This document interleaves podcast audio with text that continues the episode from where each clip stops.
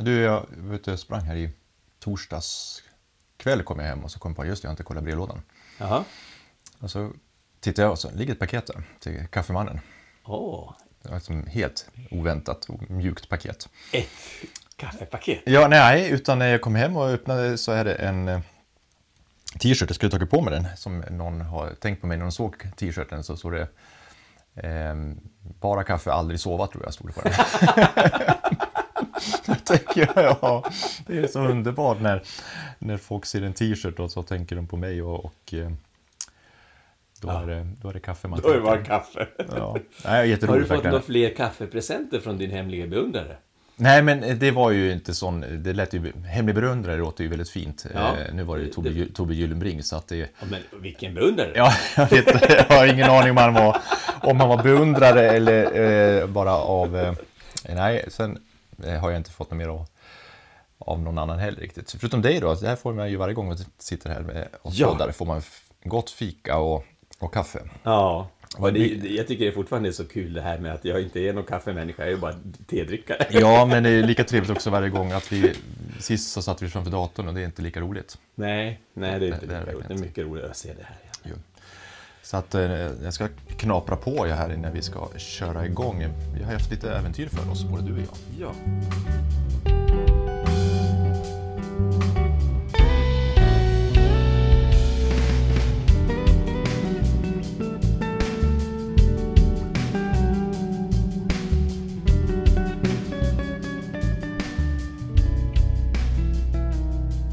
Så då är det dags för ett nytt avsnitt av Löparens själ i samarbete med Sweden Runners.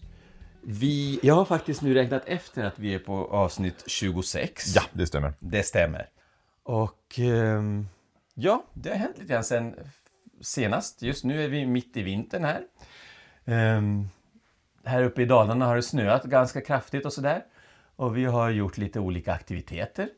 Du har börjat med en speciell grej du, Janne. Ja, det är jättefånigt. Um, jag har ju egentligen varit, jag har egentligen varit ganska skeptisk mot det med vinterbadandet. Det gick ju en trend här i samband med pandemin och alla skulle vinterbada och så också. Så därför, det här ska jag inte göra. Nej. Och jag, jag klassas ju som en band, badkruka också i familjen. Jag badar ju aldrig. Ja. Eh, men eh, sen har jag sett många som springer och sen så när man har avslutat sin löpning så tar, man ett kallbad utan att basta. Och Ja. så tänkte jag, men det vore intressant att se i och med att jag läst så mycket om att det är så pass välgörande och sånt. Och, så att tänkte jag, men då kan jag ju prova att springa någon mil först och sen bada och sen springa vidare för att då se Wow, vad som händer. spännande. Men det, det kanske vi kan återkomma till. Men du har också varit, jag, när jag kom hit eh, precis nu innan vi körde igång så, så, står det en pulka utanför med snöskor ovanpå som du har nyttjat idag förstår jag. Ja, ja, jag har varit ute idag på vinteräventyr. Men vi, jag tänkte bara hålla kvar vid ditt badande. Jag tycker det är väldigt intressant. Vi har fått, eh, det är som du säger, det är väldigt trendigt, det är väldigt inne. Men jag tror att det finns, ehm, förutom att det är trendigt, även andra sidor av det som, som hänger ihop med löpningen. Eh, Bland annat det här med att man får olika hormonella påslag. Man tränar kroppens kärl, blodkärl i huden och annars att hålla sig unga, elastiska. Eh, Jag har sett studier, det finns indikerat att eh, vinterbadare har mindre förkylningar, mindre infektioner och allmänt hälsobringande sådär. Men, men hur tycker du att det är då? Går det bra då att springa och sen doppa och sen springa vidare? Ja, och det är det här jag vill utforska lite vad händer rent, de här äh, påslagen man pratar om. Och, och eh, det, jag får väl egentligen dubbla påslag. Dels får jag ett påslag när jag springer, men sen också när jag badar får jag väl ett till påslag, förstår jag i alla fall. Men, men inte, jag har inte fått den här kicken som jag, som jag förstår en del får. Den, den, den, eller kanske man inte får, men jag har inte känt av den. Men det som är fascinerande tycker jag, det är att jag kan ju springa dit. Jag, jag har 11 kilometer till ett ställe som jag går, kan, kan gå ifrån en brygga som eh, alltid finns en vakt i dem. Eh, så, så kan jag vara lite frusen ändå. Eh, man blir lite svettig och, och blir man alltid och så blir man lite kall och så tänker man hur ska det här bli efteråt? Jag ska bada nu då. Mm. Noll grader i vatten nu, kanske där omkring i alla fall. Mm. Och sen då springa vidare. Och det som är häftigt är ju att jag först och främst när man är klar, ja, man går upp och sen står man där bara och kan stå hur länge som helst. Igår träffade jag en faktiskt och stod vi och pratade ganska länge innan jag tog på mig kläderna. Jaha.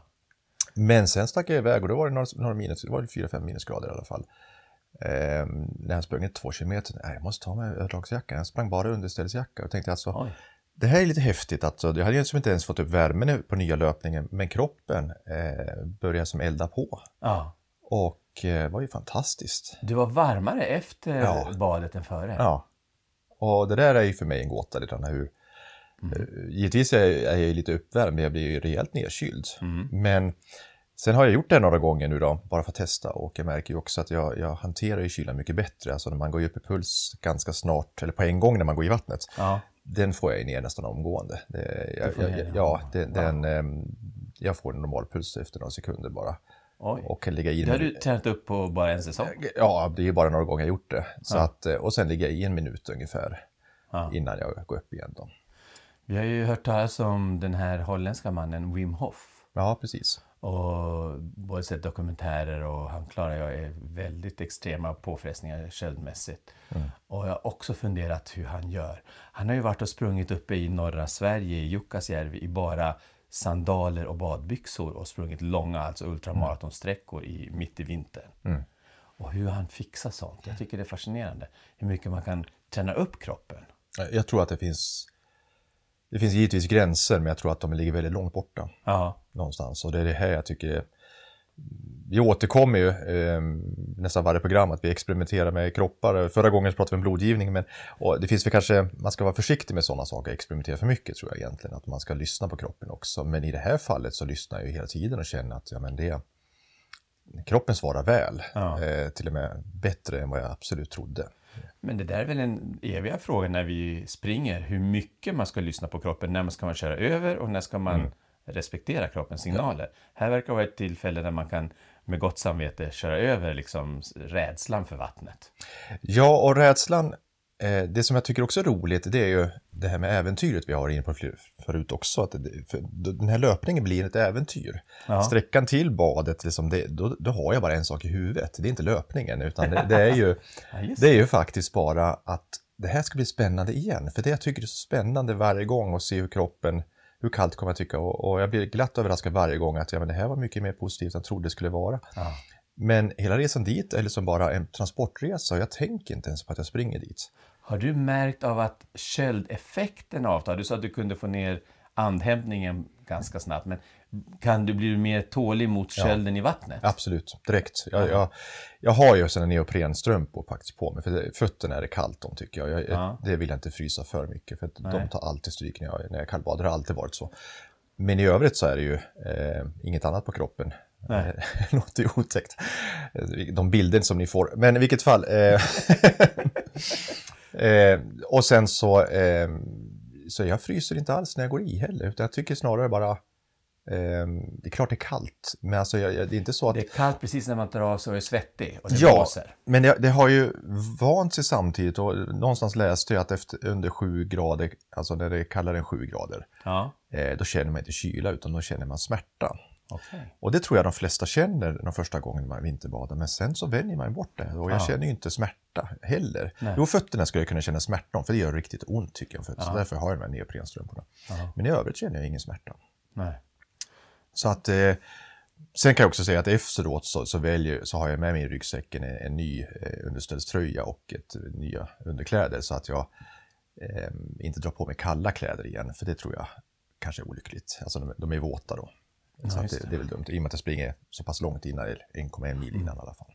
Men det här är en parallell till det som Johanna Bygdell sa i förra programmet att klart man kommer få smärta, klart man kommer få, man måste lära sig bara vad som är nyttigt och inte nyttigt, vad man Ja. kan köra över och Ja, hantera det. Ja. Jag ser ingenting som är onyttigt i det här än så länge. Jag kan Nej. inte säga. Och eh, kroppen, jag, nu har jag sprungit ganska mycket senaste tiden också. Jag ser ingen negativ effekt av det heller. Jag har faktiskt sprungit varje dag nu under åtminstone en månad. Vi har ju pratat om att du har fått en ny boost i din löpning på grund av det. Ja, faktiskt är det så. Jag tycker det är jättekul. Alltså, Ja. när, den dagen jag bestämmer mig, igår var det en solig fredag eftermiddag och då tänkte jag men nu måste jag passa på i solen och det är ju fantastiskt att bara få, få springa i solen men också kunna just eh, uppleva det här. Så att Ja. det är verkligen en, det har blivit en boost att Ja. göra det här för att, eh, inte för att det ska vara häftigt. Jag brukar kalla det här Jag har myntat begreppet en run buff run runda, RBR-runda. Ja, en RBR, okej. Okay. Så att nu skriver jag det på Strava att en RBR-runda gjort. Ja. Eh, och eh, jag kan nog uppmana fler att göra, prova på faktiskt för att det är en häftig upplevelse. Mm. Inte bara det att avsluta med det hela utan att faktiskt fortsätta. Sen är det ju väldigt skönt att komma hem och få ta en dusch och, och den biten också sen givetvis, men det är en annan sak. Ja. Eh, jag drar lite paralleller. Jag är en gammal skridskoåkare. Jag har plurrat vid ett par tillfällen och eh, jag drar lite paralleller till det. Mm. Ehm, det som är lärorikt i det här tycker jag, det är hur mycket rädslan gör. Mm. För vi är rädda för kalla vattnet oavsett om man åker skridskor eller inte, mm, eller, eller springer då. Eh, men om man inte är rädd, då blir det nästan en behaglig upplevelse som Mm. man strävar efter. Och som skridskoåkare så har jag gjort flera gånger att jag har plurrat och blivit väldigt fascinerad av att jag, jag inte byter om utan eh, klarar av att fortsätta åka. Mm. Trots att det då är minusgrader i luften och man torkar och blir varm. Mm. Och det har gjort att jag har tappat lite rädslan, eller respekten för, för allt, att vara i kallvatten. Ja. Man blir varm, när man rör på sig efteråt så blir man varm. Det finns väl gränser för det. Eh, minus sju kanske, eller minus tio eller någonstans där. Vet inte. Men eh, att man kan få upp värmen, det, det, att ha den kunskapen med sig, gör att man blir mycket tryggare. Ja, och i det förhoppning och förvissningen också tror jag. Ja, För att om, som sagt, blir man rädd och rädslan är vår värsta fiende i alla situationer. ja. Det är ju absolut. som sagt under ett långlopp när man känner att ja, men nu, nu är jag rädd att något ska gå sönder, ja, men då, då är man klart rädd. Och Ja. då gör man ett val utifrån den rädslan. Ja, Ibland så är det ju befogat, ibland kanske mindre befogat för att rädslan tog över. just det. Precis. Nej, så att det här är ju, vi får utforska vidare, men jag kommer nog fortsätta. Jag tänker åtminstone en gång i veckan ska jag göra det här, tänkte jag. Får vi se om jag hinner med. Det tar en liten stund då. Vad kul. Ja, det tar en liten stund. Jag göra. blev så inspirerad av det så jag gjorde en likadan i veckan. Jag vet inte om du såg det. Jag sprang bort och, till Nej, Stavkärr. men det har jag missat. Har du missat det? Så då eh, sprang i och doppade mig, tog på mig dock samma kläder och sprang hem igen. Det var en två mila runda. Ja, hur kändes det då? Lite snopet. För det var mycket mindre upplevelse än vad jag hade förväntat mig. Jaha, du hade hoppats på mer. Ja. Ja, men det är väl, det är väl allmänt mänskligt att hoppas på mer ändå. Men, men, men du, du klarade av det och det var inga, du frös ingenting efteråt? Nej, ingenting. Jag hade neoprensocker på och jag behöll dem på i löparskorna sen. Ja, ja. Och det gick jättebra. Mm. Ehm, och samma sak med kläderna, det gick jättebra. Det har varit ingen kyla eller någonting alls. Men jag fick inte heller, den här- jag har vinterbadat i många år, Mm. Ehm, men och ofta fått den här ruschen när man Mm. får blodtrycksstegring och pulsstegring. Men nu fick jag ju knappt ens det. Och det var, det var en förvåning åt det hållet. Jaha, okej, ja. Så mm, på något vis tappat, om man tappar, jag vet inte om det hänger ihop, om man tappar den psykiska respekten så får man också mindre fysisk respons, tänkte jag. Ja, men det är nog, det är nog fullt möjligt Ja. faktiskt. Men du var inte lika laddad inför det, eller? Nej, nej, det här var ingenting. Nej, Det var inte alls eh, pulshöjande, bildligt talat. Nej puls, pulsen när du badade då? Nej, men på en gång så kunde jag hålla, eh, få återfå andningen. Så fort jag hade gått i. Jag tappar aldrig den där. Och det är också nytt, för det har jag jämt gjort förut. Ja. Precis. Ehm, Så det, man lär sig, man utvecklas. Och jag tycker det som är här att om man spränger gränser, oavsett om det är med kalla bad eller med att plurra med skridskor eller med att möta sina rädslor i Barkley Marathons eller vad man nu gör, så är det samma gränser. Man får vidare gränser generellt. Man blir mindre rädd som person överlag. Och det tycker jag ehm, är väldigt intressant. Det är som att man tränar, då tränar man, blir man lite mer tränad generellt. Det är klart man kan träna enstaka muskelgrupper, men att man blir allmän staminan växer. Det är en lärdom som är också nyttig. Ja, och det här... Utan att på något vis jag kan tycka, det är inte särskilt modigt att göra, göra det jag pratade om alldeles nyss. Här, men att eh, spränga gränser handlar om ett, ett mod. Ja, Och det spelar ingen roll vilka gränser. Det är ett mod att ta sig an Barkley, definitivt. ja, ja. Det är ett mod att göra saker, ett mod att våga eh, åka skridskor även fast man har plurrat. Eller man kanske är så illa tvungen också givetvis, men ändå att... an- Men vi har två val. ja. Ehm, och det är det som kanske driver också, men det är också en... Många just de existensfilosoferna pratar just om det här. Att var inte feg, Nej. var modig. Ehm, I alla livets alla skeden, det vill säga även också vad gäller att ta ställning för saker och ting, att säga till mot film, säga till mot rätt orättvisor och liknande. Mm. Ehm, och, och där är vi ofta inte det, utan vi, vi följer gärna vad de andra gör. Vi följer strömmen eller flocken och Ja. den gör ju sällan rätt, ska jag påstå. Precis. Jag kommer att tänka på den här klichén som säkert eh, du hört Janne förut. Ehm, som lär ska ha varit en av samurajernas eh, motton. Att den som inte är rädd är oövervinnerlig. Mm. Hade de som motto. Och, jag- och då måste man inte prata om svärd utan det räcker med livet liksom. Ehm, den, den, man kan dra den där slutsatsen eller den där extrapoleringen tycker jag är lärorik. Ja, och det är väl någonting som driver dig i ditt liv också, att man drivs av rädslor eller eh, rä, rä, rädsla eller drivs av det andra. Eh, ja. det spannet, eh, modet jag har förstått på samma sätt som vi, vi försöker undvika smärtor och vi vill bara ha njutning. Jag, precis som alla andra, drivs av de två polerna, eh, Mm. rädsla och, och njutning om vi säger så. Då. Och jag lärde mig tidigt, till exempel inom arbetspsykologin, att det måste vara lusten som driver verksamheten, annars blir det väldigt fel och Mm. dåligt. Ehm, och jag brukar tänka, om man nu ska politisera väldigt mycket, i länder där folk är rädda, um, diktaturländer och andra auktoritära ställen, ehm, vad hämmade hela samhällssystemen blir. För alla är rädda, uppifrån och neråt så är alla rädda på olika sätt för olika saker. Och det blir en sån väldig hämning och sån själslig ofrihet. Visst. Man, man- det är bara repressalier man är rädd för. Ja. Och det är det som driver och, och, eh, Ja. och ja, visst. Och då har man ingen lojalitet heller utan man gör ju bara saker för att piskan annars kommer gå. Ja, precis, exakt så. Och det är improduktivt. Och i dessa krigsrisktider så är det en tröstefull tanke att eh, de systemen har en inbyggd svaghet som gör att de inte håller i längden, tänker jag. Vi får se. Ja. Men du, om vi då Mm. vänder blad här som sagt. Idag så tog du dig an en utmaning. Mm. Du tog upp Det- något som heter Sörskog en bit utanför Falun och åkte dit. Ja, precis. Jag åkte till Bjursås. Ehm, jag vill ju springa ett vinterlopp någon gång. Ett riktigt långt vinterlopp. Ultralopp. Det finns ett par att välja på. Och mm, jag håller väl på att testa lite material inför det. Ja. Så jag har både skaffat eh, snöskor och släde. En släde att dra efter. Eh, och vad testar de idag? Och dit upp åker alla som åker löparskidor och så åker du dit och springer i... Nej, nej, i, skoterspår. Ja, men ändå, precis. Men, men Inte du... skidspår. Nej, nej, givetvis förstår jag det. Men som sagt, det det är ju eh, mycket snö där uppe. Jättemycket snö. Och jag har lärt mig otroligt mycket. Det var väldigt lärorikt. Nummer ett. Det är riktigt jobbigt att springa i lössnö. Och på, till den milda grad att en period så tänkte jag att jag fastnar här. Yes.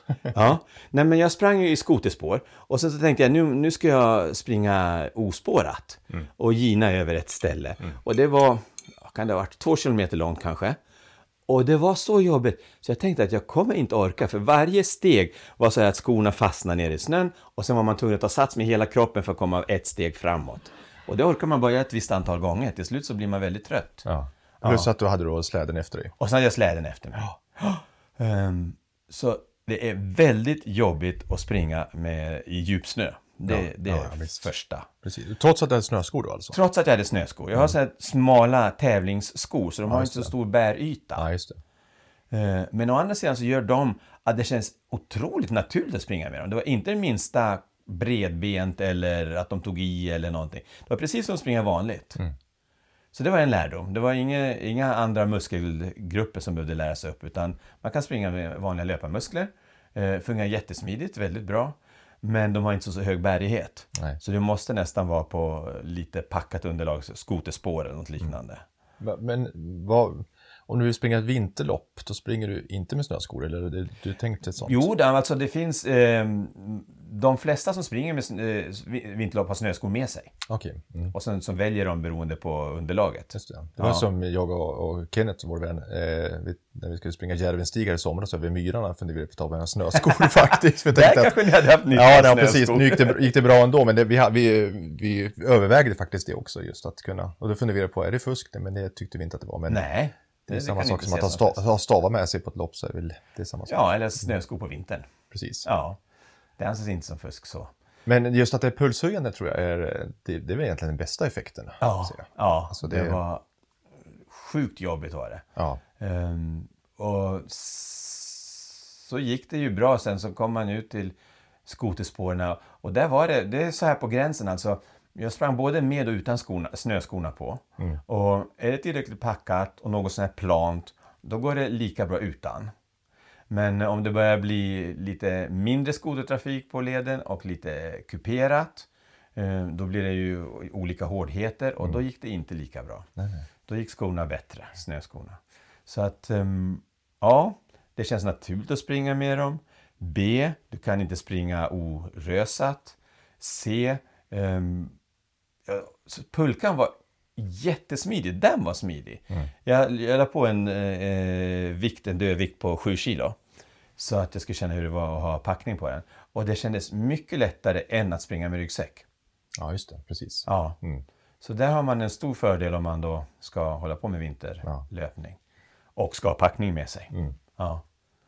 Eh, Jag tror att upp till 10 kilo om du inte är alltför extrem terräng. Ju e- extremare terrängen är desto besvärligare är det med pulka. Mm. Men Ja, om är du är klart. på hyfsat branta ställen så går pulka mycket lättare än ryggsäck.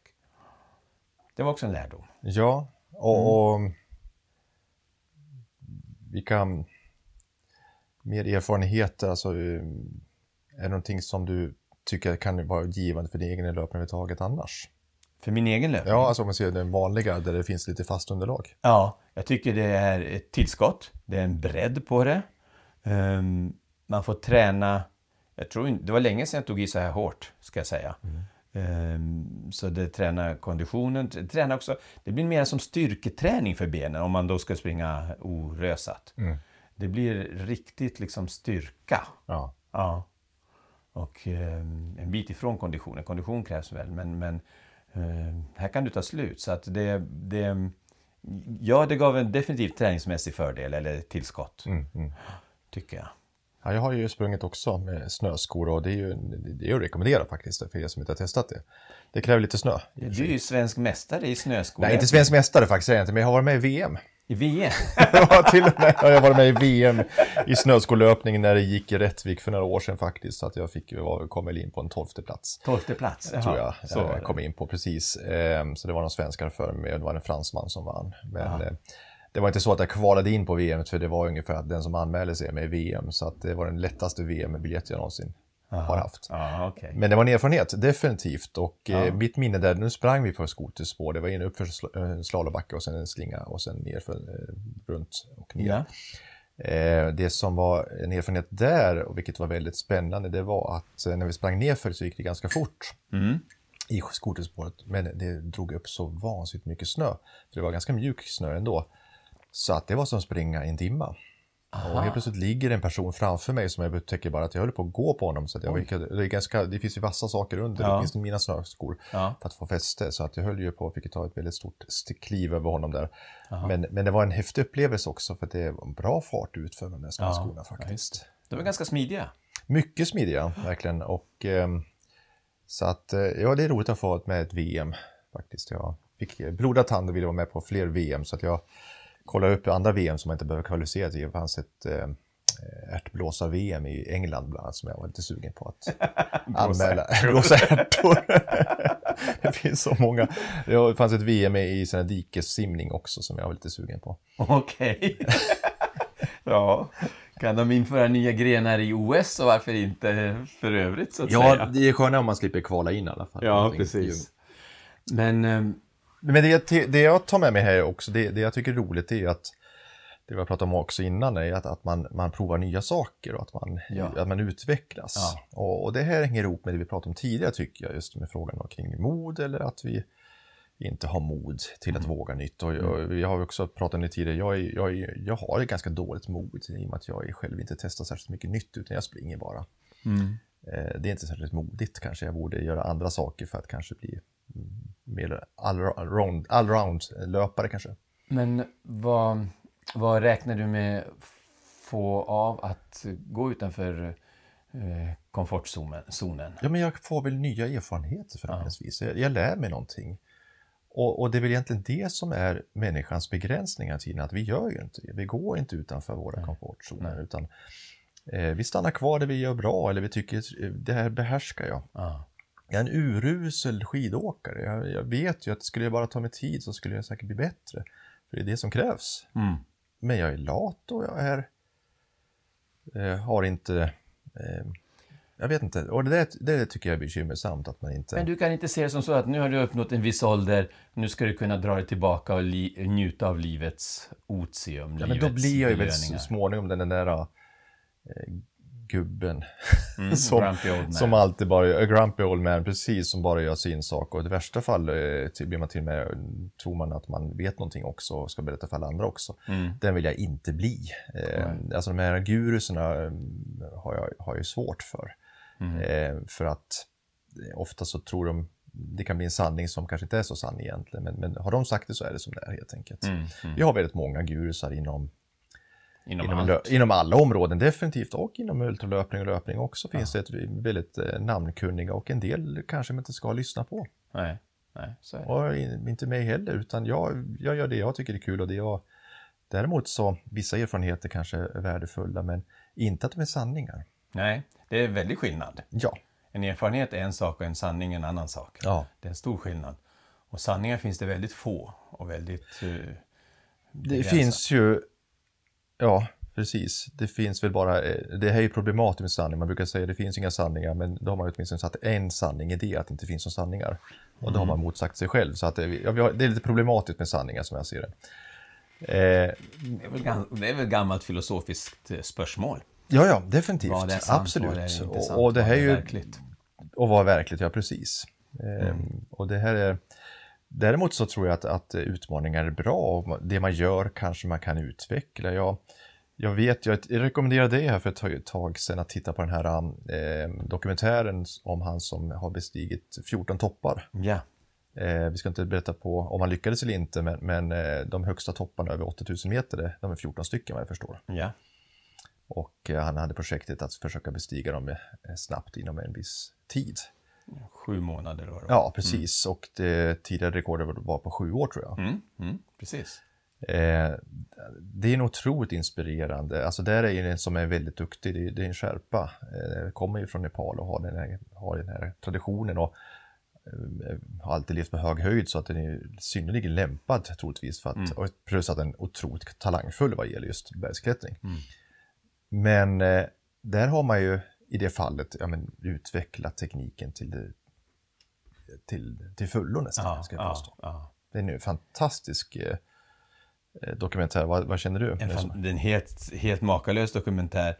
Just som du säger, den visar vad människor är kapabla till som går bortom förståndet. Mm. Jag har svårt att greppa att sådana saker är möjliga. Mm.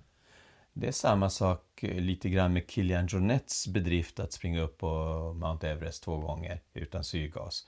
Man fattar inte att det går att göra så med människokroppen. Har han gjort det? Mount Everest? Ja, Mount Everest två gånger. Mhm.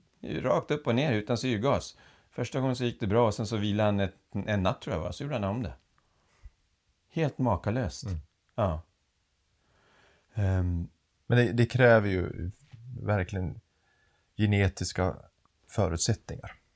Tror jag. förmodligen, men minst lika mycket och betydligt mer mentala förutsättningar. Ja, nu är vi inne på ett spännande område och det kanske vi inte ska fördjupa oss i för att det, vetenskapen jobbar ju ganska mycket just hur mycket, hur mycket är arvet och hur mycket miljön som Ja. sagt och hur mycket just den mentala möjligheten att kunna driva sig framåt. Ja. Eh, det, det vet man ju inte. Nej, det vet man inte så. 50-50 har, har Men jag om läst. du inte öppnar upp den möjligheten mentalt så kommer du aldrig klara det fysiskt. Det, så kan man väl Så, börja. det är sant, absolut. Eh, och jag vet inte om Kilian Jornet har spe- speciella egenskaper. Den här skärpan har ju förmodligen det. Han har ju även labbtester som slår i taket enligt filmen och sådär. Så att han har väl genetiska förutsättningar. Men likväl att göra det som, vad heter han? Messner, den världsberömda alpinisten Messner har gjort en gång i tiden. Klättra alla 8000 meters topparna. Det tog honom sju år. Och att göra det, försöka göra det på sju månader. När man rimligen behövde återhämta sig från syrgasbrist och eh, ansträngningsbrist och allt sånt där. Och sen inte göra det utan sätta igång direkt med nästa berg. Det är fantastiskt. Sen kunde du ta flera berg på samma dag. Eller inte samma dag, samma vecka. Ja.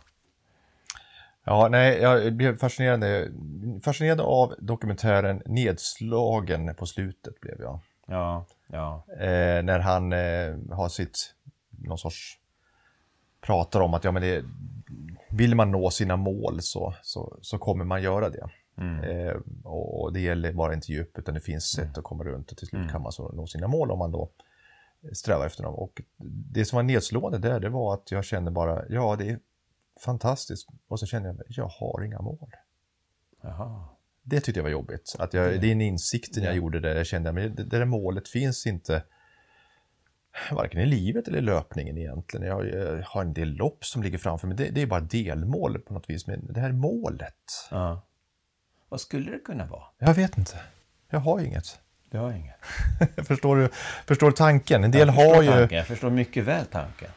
Och, och, och det vet jag inte hur jag ska hantera. Om, eller jag måste börja skissa på ett mål som är viktigt. Men ett sånt mål skulle väl ligga bortom löpningen kan jag tycka. Eh, Det måste vara någonting annat, någonting större för mig. Det handlar om att göra nytta någonstans kanske. Mm. Det hade kanske varit ett viktigt mål, men jag har inte ens det. Och, och man det måste känner... gå in och fundera till vad man känner för. Om man har något man eh, är engagerad i, brinner för. Mm, Någonstans in, inves, inves, inventera mm. Sitt eget sinne. Ja, det är kanske det jag får göra efter jag, som sagt, det- och det där har jag hört så många gånger förut, men jag har liksom bara passerat förbi. Ja. Nu, den här gången tog det. Ja, Och där Okej. kände jag att eh, ja, jag måste fundera på. det Alltså, jag har- Det jag- satt igång tankarna i alla fall. nu. Ja, men visst, och jag har bara en viss tid kvar Mm. eh, här. Och eh, inte för att göra något...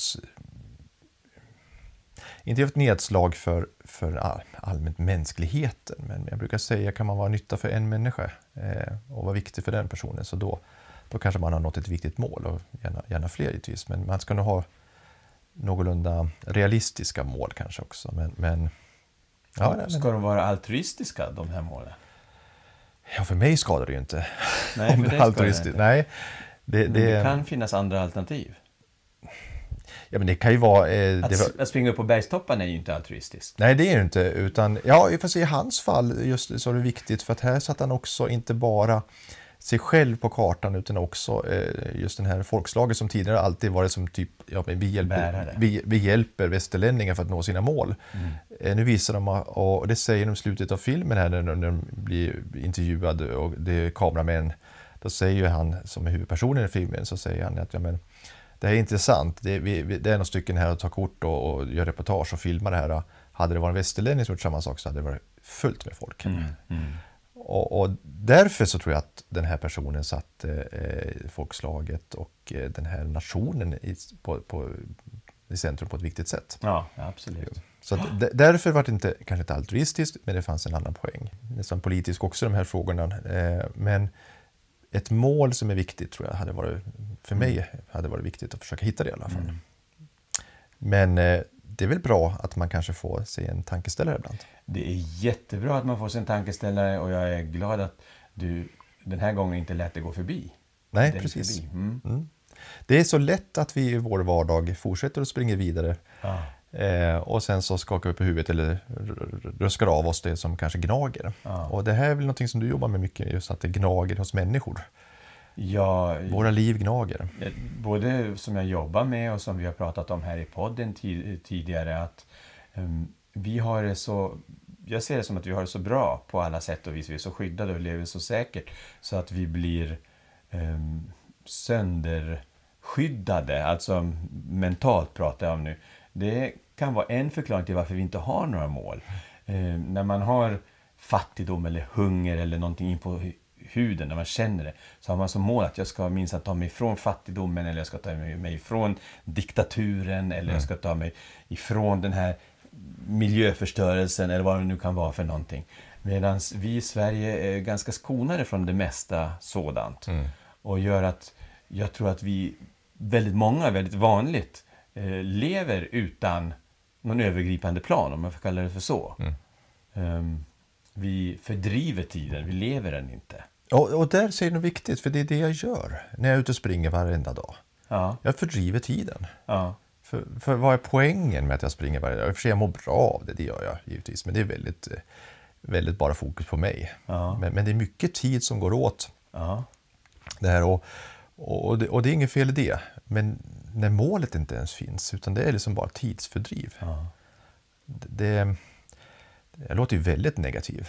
Nej, inte negativ. Däremot eh, utan, utan mål, som sagt. Ja, mållös. Visst. Mm.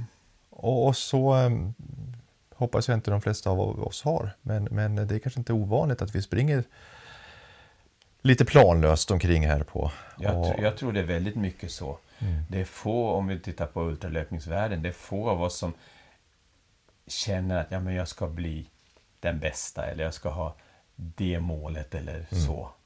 Ehm, jag tror att det är väldigt vanligt, inte bara i löpning utan överlag, att man är eh, planlös. Mm, mm. Tyvärr. Och det är en intressant diskussion. Det, det är en existentialistisk eh, fråga Ja. eh, vi, vi brottas med här och det, det är som sagt en, den tror jag många står inför. Det är när man är mitt i livet, när man har små barn och sånt, så då har man inte tid Nej. i högre grad. Att, utan då är det karriär och det är små barn och det är villa och allt som ekonomi och allting. Men sen händer någonting. Så att, På gott och ont ska jag påstå. Jag jobbar mycket med missbrukare och en hel del missbrukare klarar av att bli fria från sitt missbruk. Eh, Att byta riktning. Trots att man har både ett kemiskt, socialt, fysiskt, psykiskt beroende, allt vad man har för någonting. Jag är väldigt, väldigt fast i det. Så en del klarar av det. Och jag har i alla år frågat folk vad som gjorde att du bytte inriktning ehm, på livet. Vad var det som kunde göra? Och jag har aldrig fått något svar. Folk kan inte definiera det, specificera det. Ehm, varför de har klarat av nykterhet i tio år när många andra inte klarar av det. Ehm, det, det är lite samma mekanism tror jag. Eh, varför skulle de vilja ha ett fokus eller ett, byta ett, eh, ha en övergripande plan på nykterhet eh, istället för att fortsätta med sitt liv som de har? Mm. Det är lite samma djupa drivkraft som, som du pratar om, uppfattar jag det som. Som är svår att sätta fingret på. Mm. Ja, det är någonting som upptar eh, mycket av min, min tid. Och, å andra sidan kanske just nu försöker jag liksom hitta, ja men varför springer jag mycket? Jo, men det är ju också för att få tid att fundera på de här frågorna. Mm. Men risken är ju, kan jag se, om det bara blir att springa och fundera på frågorna, ja, då blir det ju ingenting. Utan då är det ju bara en tankesmedja jag håller på med i mitt lilla huvud. Eh, utan det måste ju bli ett resultat av det hela så småningom också. Måste det det? Ja, jag tycker det. Det. Det måste bli en riktning i mitt liv på ett eller annat sätt i alla fall. Och inte bara ett varande. Nej, jag, är, jag, jag tror att det är bra med ett mål, Mm. helt enkelt. Men, men ja, det här, det här är ju kanske... Ja, det är någonting som upptar min tankeverksamhet rätt mycket just nu i alla fall. Och, och det, det var filmen var kanske en del av det som triggade igång det hela också. Mm. Eh, men det, det, Det är fantastiskt när folk hittar sina kall eller sina mål och gör och förverkligar det. då, blir man ju, då blir man ju bara, och då funderar man vad som hände, vad det som gjorde att Ja. den personen hittade det Ja. också. Exakt. Vad som gjorde Ja. att jag blev nykter. Ja. Det är därför jag, ja, men jag hade, klart jag älskar att springa, så jag hade ju väldigt gärna kunnat jobba med löpning och samtidigt vara eh, ett, ett verktyg för att andra skulle kunna må bättre, både mentalt och, fysiskt så att säga. Vi ser Mm. att det är otroligt viktigt att jobba med de frågorna Mm. med tanke på att eh, folkhälsan bara blir sämre och sämre i, i både eh, Fast det är bara ramverk det också, så att säga. Visst, vi ska eh, jobba för att vi mår bättre fysiskt. Men det är bara också delmål, det är det jag menar egentligen. Inte, det kan inte vara slutmålet, eller kan det det? Ja, det, om någon av dem då skulle kommit rätt kanske det var slutmålet. Jag vet inte. Jag Ja, har ett mål med löpningen. ja, Och det är att bli den löpande människan. ja, det har du nämnt förut. jag har nämnt precis. förut, Mm. att kunna springa hela vakna tiden. Och jag vet egentligen inte vad som har fått mig att ha det målet. Det är inte altruistiskt på något vis. Det är att jag vill vara i en... Jag har inbillat mig någonstans att det finns någon form utav självuppfyllelse och frid i det.